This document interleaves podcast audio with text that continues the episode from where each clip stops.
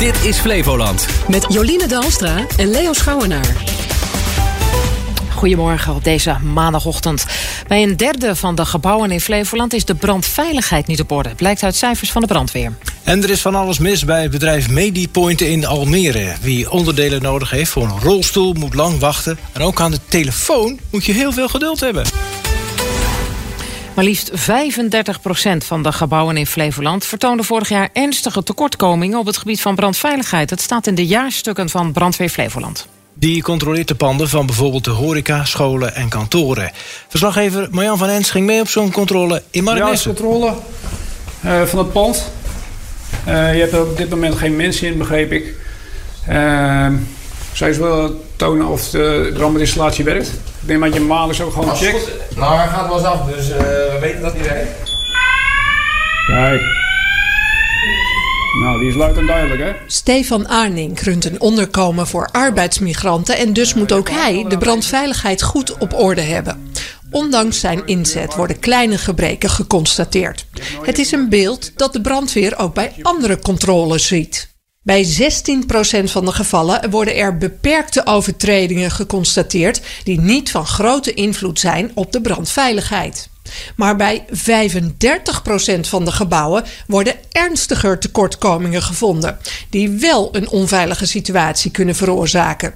Een hoog percentage vindt ook Marcel van Vliet van de brandweer. Als het daadwerkelijk ernstige tekortkomingen zouden zijn, zou het een zeer hoog percentage zijn. Je zou het eigenlijk zo moeten zien, uh, wat ermee is bedoeld, dat in 35% van de controles een hercontrole is geweest. En dat kan variëren van iets kleins waarvan we toch noodzakelijk vonden om terug te komen, tot iets groots. Hoewel het in de eigen jaarstukken staat, nuanceert de brandweer het percentage van 35 dus. Want ernstige tekortkomingen betekent niet automatisch dat er acuut gevaar bestaat. Vaak gaat het om het keuren van een, een blusmiddel of een uh, noodverlichting die niet, uh, niet meer goed functioneert. Of een deur die niet, uh, niet goed meer sluit, die door het gebruik gewoon verouderd is en niet meer lekker in zijn slot valt. dat zijn dan de lichtere kwesties waar we wel voor terugkomen. Kijk, vluchtroute naar buiten met een draaiknopcilindertje. Je hebt daar een Je hebt wel een groen bordje die nog niet verlicht is. Er moet even een nieuw tjelletje in. Maar soms is de dreiging wel acuut. Dan wordt een pand gesloten of moet het probleem meteen worden opgelost. Bijvoorbeeld, we hebben een pand, uh, een hotelfunctie, waar mensen slapen in een brandmetinstallatie. Die functioneert niet. Dan wordt er per direct contact opgenomen met de gemeente. En dat moet ook per direct een oplossing voor bedacht worden. En dat moet dan acceptabel zijn dat de mate van brandveiligheid in de tussentijd tot die installatie weer functioneert, gelijkwaardig is. Dan hebben we hier de slaapkamertjes voorzien van rookmelder. Dus even kijken of je... Ja, ja, je hebt wel een plattegrondjes hangen. Per, per slaapkamer, hartstikke goed. In het pand van Stefan Arning hoeft geen hercontrole plaats te vinden. Maar er moeten wel een paar kleine dingen worden aangepast. De brandweer vraagt ondertussen met extra toezicht en campagnes meer aandacht voor de brandveiligheid van gebouwen. Ja, want er is van alles mis bij het bedrijf Medipoint in Almere... dat namens de gemeente medische hulpmiddelen verstrekt. Mensen die afhankelijk zijn van bijvoorbeeld een rolstoel of een tillift... die trekken daarom aan de bel. Gemeenteraadslid Esther Hagelaar van GroenLinks legt uit wat er allemaal aan de hand is. Concrete klacht is bijvoorbeeld dat je belt naar het nummer van Medipoint om te vragen van hey, hoe, wanneer komt mijn rolstoel of wanneer komt dat wiel?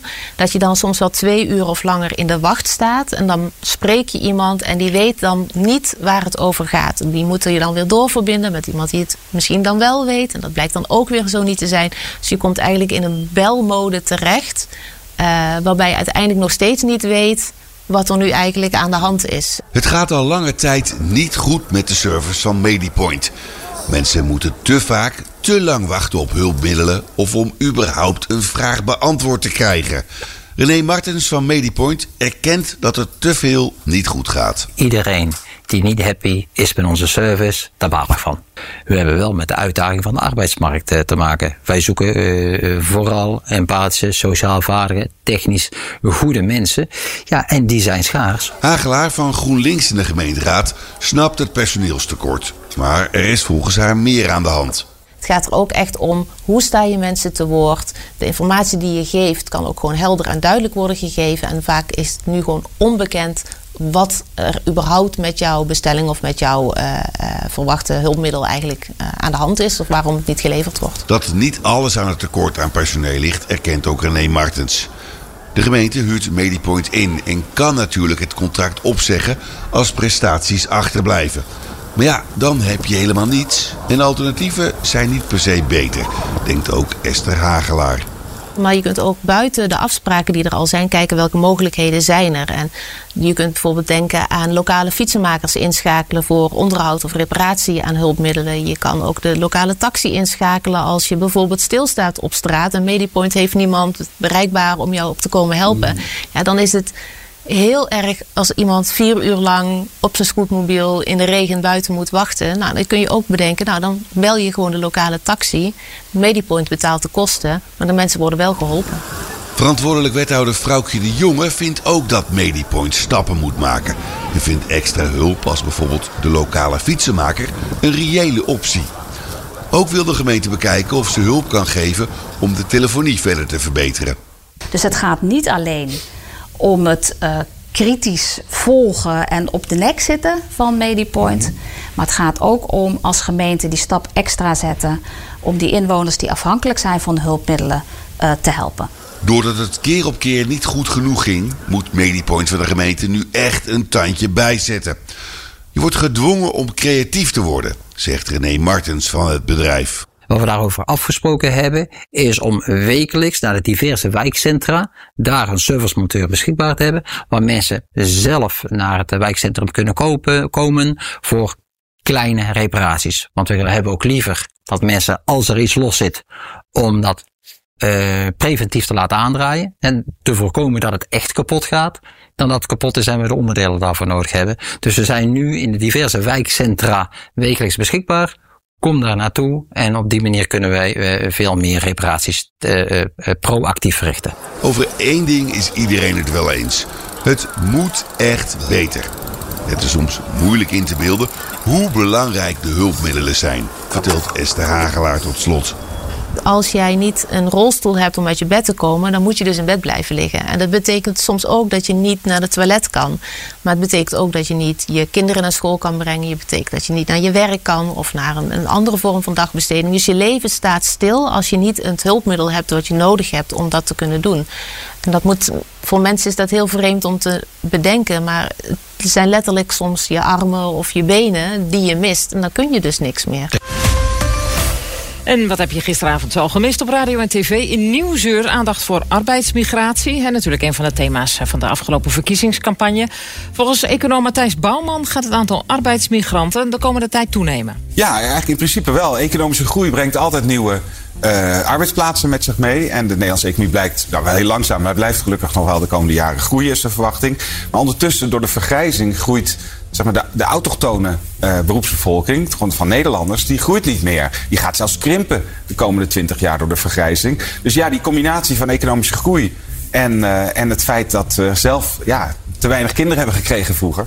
uh, dat zorgt ervoor dat dat in principe wordt opgevuld met arbeidsmigranten. Vooral de PVV wil streng optreden tegen arbeidsmigranten. Volgens Bouwman zijn daar verschillende mogelijkheden voor. Het zal indirect moeten als je het snel wil doen. En uh, in mijn woorden een beetje een soort wegpestbeleid eigenlijk. Maak het ze maar moeilijk met vergunningen. Met je mag hier niet komen of je moet misschien weg. Of we gaan toch nog eens een keertje kijken naar welke subsidies je eigenlijk krijgt. Uh, maar ja, tref je dus wel echt die ondernemers. Uh, met name in de, in de glastuinbouw. Maar ook bijvoorbeeld in de slachterijen waar ook heel veel arbeidsmigranten werken. Die tref je wel. Dus die zullen wel wat terug gaan zeggen. In het radioprogramma Pointer ging het over schulden. Na schatting zijn er nu meer dan 700.000 mensen met betalingsachterstanden. Sinds twee jaar moeten onder andere energiebedrijven, zorgverzekeraars en verhuurders het bij de gemeente melden als er een betalingsachterstand is. De gemeente kan dan gelijk actie ondernemen. Een goed idee, want mensen trekken bij schulden niet zo snel aan de bel... zegt Ellen Hennekes van de branchevereniging voor schuldhulpverlening. Het begint ergens bij schaamte. Uh, vinden dat men het zelf kan, zou moeten kunnen oplossen. Uh, ook de overtuiging hebben dat men het nog kan oplossen. Uh, en een enorme terughoudendheid om regie uit handen te geven. Dus mensen willen het graag zelf doen. Uh, en als men eenmaal zo diep erin zit dat dat niet meer zelf kan, is de drempel om alsnog hulp te vragen is uh, nou, vele malen hoger ja. geworden. Ook particuliere verhuurders moeten een betalingsachterstand melden. Velen doen dat niet, omdat ze vaak niet weten dat ze dat verplicht zijn. Er is één koepel en die heeft volgens mij ongeveer 10% van de totale particuliere verhuurders in haar ledenbestand zitten. Dat betekent dat 90% er niet in zit. Ja, je erft een huis van je ouders en je kiest ervoor om dat niet te verkopen, maar te verhuren. Ja, je krijgt niet een papiertje erbij cadeau wat al je rechten en plichten zijn. Dus je moet. Nee, hoe moet je dat nou weten? Ik denk dat je het wel moet weten. Ik denk dat je je moet verdiepen in, in, in wat je rechten en plichten zijn. Uh, het ministerie van Binnenlandse Zaken is daar onder andere het verantwoordelijke ministerie voor. Daar is ook informatie op de site te vinden. Maar daar moet je wel naar op zoek gaan. Ja. Dat krijg je niet Actief. cadeau op het moment dat je een, een huis aanhoudt voor de verhuur. En dat heb je gisteren gemist op radio en tv. Gaan we naar eh, de sport van het afgelopen weekend. Almere City FC heeft gisteren voor het eerst sinds 23 september... weer een nederlaag geleden in de eredivisie. De ploeg van Alex Pastoor ging thuis met 0-5 hard onderuit tegen Heracles. Hiermee kwam een eind aan een reeks van zes wedstrijden... waarin de Almeerders niet hadden verloren. Verslaggever Martijn de Groot sprak na afloop met middenvelder Stijn Racing. Stijen, jullie gaan er uh, onverwacht hier thuis met 0-5 af tegen Heracles. Wat is jouw verklaring daarvoor? Ja, ik krijg te veel vroeg een tegengoal, dus je begint slecht. Daarna hadden we het eigenlijk best wel weer onder controle, denk ik. Ook begin tweede helft we beter waren. En daarna ja, verlies ik de bal op een plek uh, waar dat niet mag. En uh, wordt meteen afgestraft. En eigenlijk daarna niet meer echt in de wedstrijd zijn gekomen. En uh, ja, dat dan uiteindelijk 0-3 en dan nog 2. Ja, dat moet je eigenlijk voorkomen. Maar ja, vandaag was het gewoon kloten. Ja, dan komt er een einde aan een mooie reeks. Ja, die je eigenlijk niet verwacht uh, dat die ten einde komt tegen deze tegenstander. Nee, maar ja, het is ook niet wel een hele mooie reeks. Maar ja, dan moet je wel scherp blijven. Want is zo zien dat wij even op uh, 80% van Heracles gaan winnen. En ik neem niet aan dat het op 80% speelde. Maar ja, voor de buitenwereld is dat misschien wel iets wat ze dan snel zeggen dat wij wel even gaan winnen. Maar ja, zo zie je maar. Almere City FC staat nu op de 13e plek met 13 punten uit 13 wedstrijden. Vrijdag is niet de 13e gelukt. Gaan de Almeerders op bezoek bij Heerenveen. Heerenveen, ja. Daar uh, heb je in ieder geval geen discussie over de uitspraak. Want het blijft een dingetje, hè? Heracles, Herakles. Oh, ja, ja. Ja, maar het verschilt ook per sportverslaggever. Oh. Ja, ik ben er echt eens op gaan letten, maar... Nou ja. ja? Je kwam er niet uit. Nee, ja, ik weet nu nog steeds niet wat goed is. Dus uh, nee, als je nee. thuis weet, uh, laat het vooral even aan ons uh, weten. Want dan, ja, ik heb op de Academie voor Journalistiek geleerd... er is een heel simpel remedie voor. Bel het stadion op.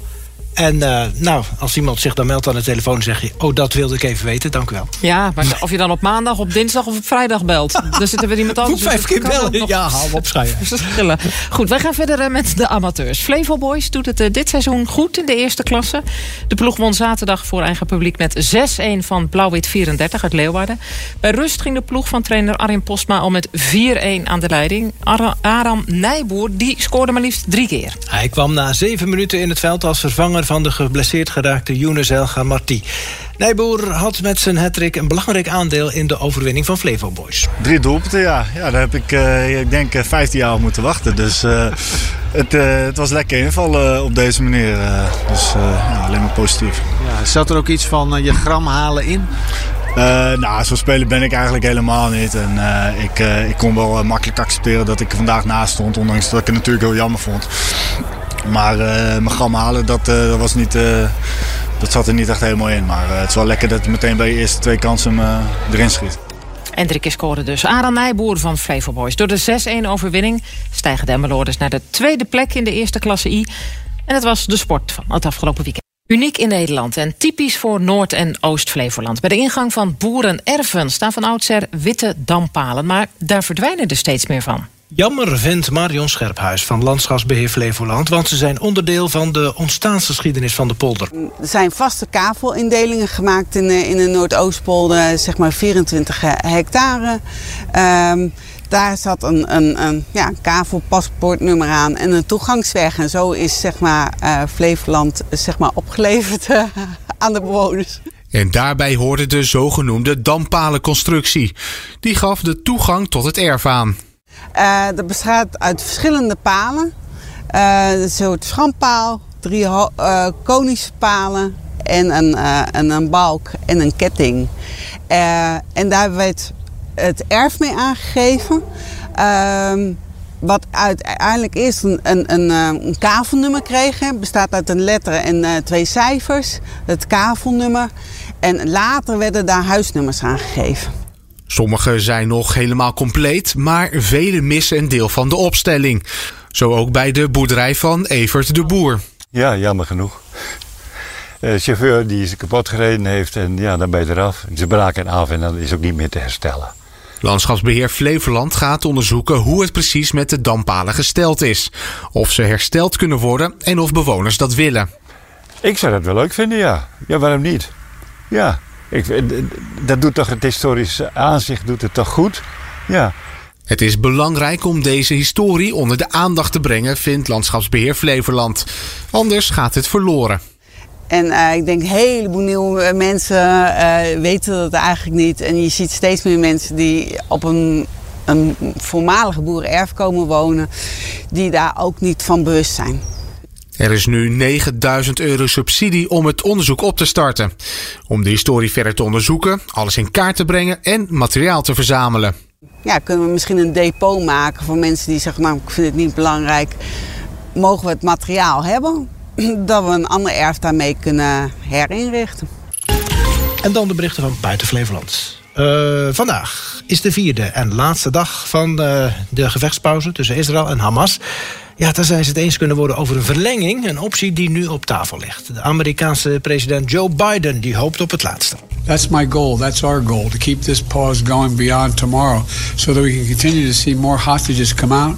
And surge more humanitarian relief into, into those in, who in need in Gaza. Hamas heeft al laten weten dat het de wapenstilstand met Israël wil verlengen... als er meer Palestijnse gevangenen worden vrijgelaten. Israël wil met de gevechtspauze steeds met een dag verlengen... als Hamas per dag minstens 10 gijzelaars vrijlaat. Anderhalf jaar na de chaotische taferelen bij de bagageafhandeling op Schiphol zijn er nog steeds problemen. Medewerkers zeggen dat de personeelstekorten soms leiden tot onveilige situaties. Ik heb vanmorgen eerst de uh, Garuda gedaan en de Singapore Airlines en die CX met lossen. En later ben ik overgegaan op die Qatar in uh, uitgaand was uh, 12 containers. je begint met vijf man en later werden telkens mensen op andere vluchten ook gedaan. En op een gegeven moment zeiden gewoon alleen nee. Dus ja, dat gaat gewoon niet. Ja, er werd bijvoorbeeld ook een vliegtuig te zwaar beladen, zegt de FNV. Oplossing zou kunnen zijn om afspraken te maken over een minimumbezetting. En als er te weinig mensen zijn, dan laat je die kist, dat vliegtuig gewoon maar even wachten. Of dan krijgen die mensen hun bagage later. Ja, bagageafhandelaren die ontkennen dat de werkdruk leidt tot onveilige situaties.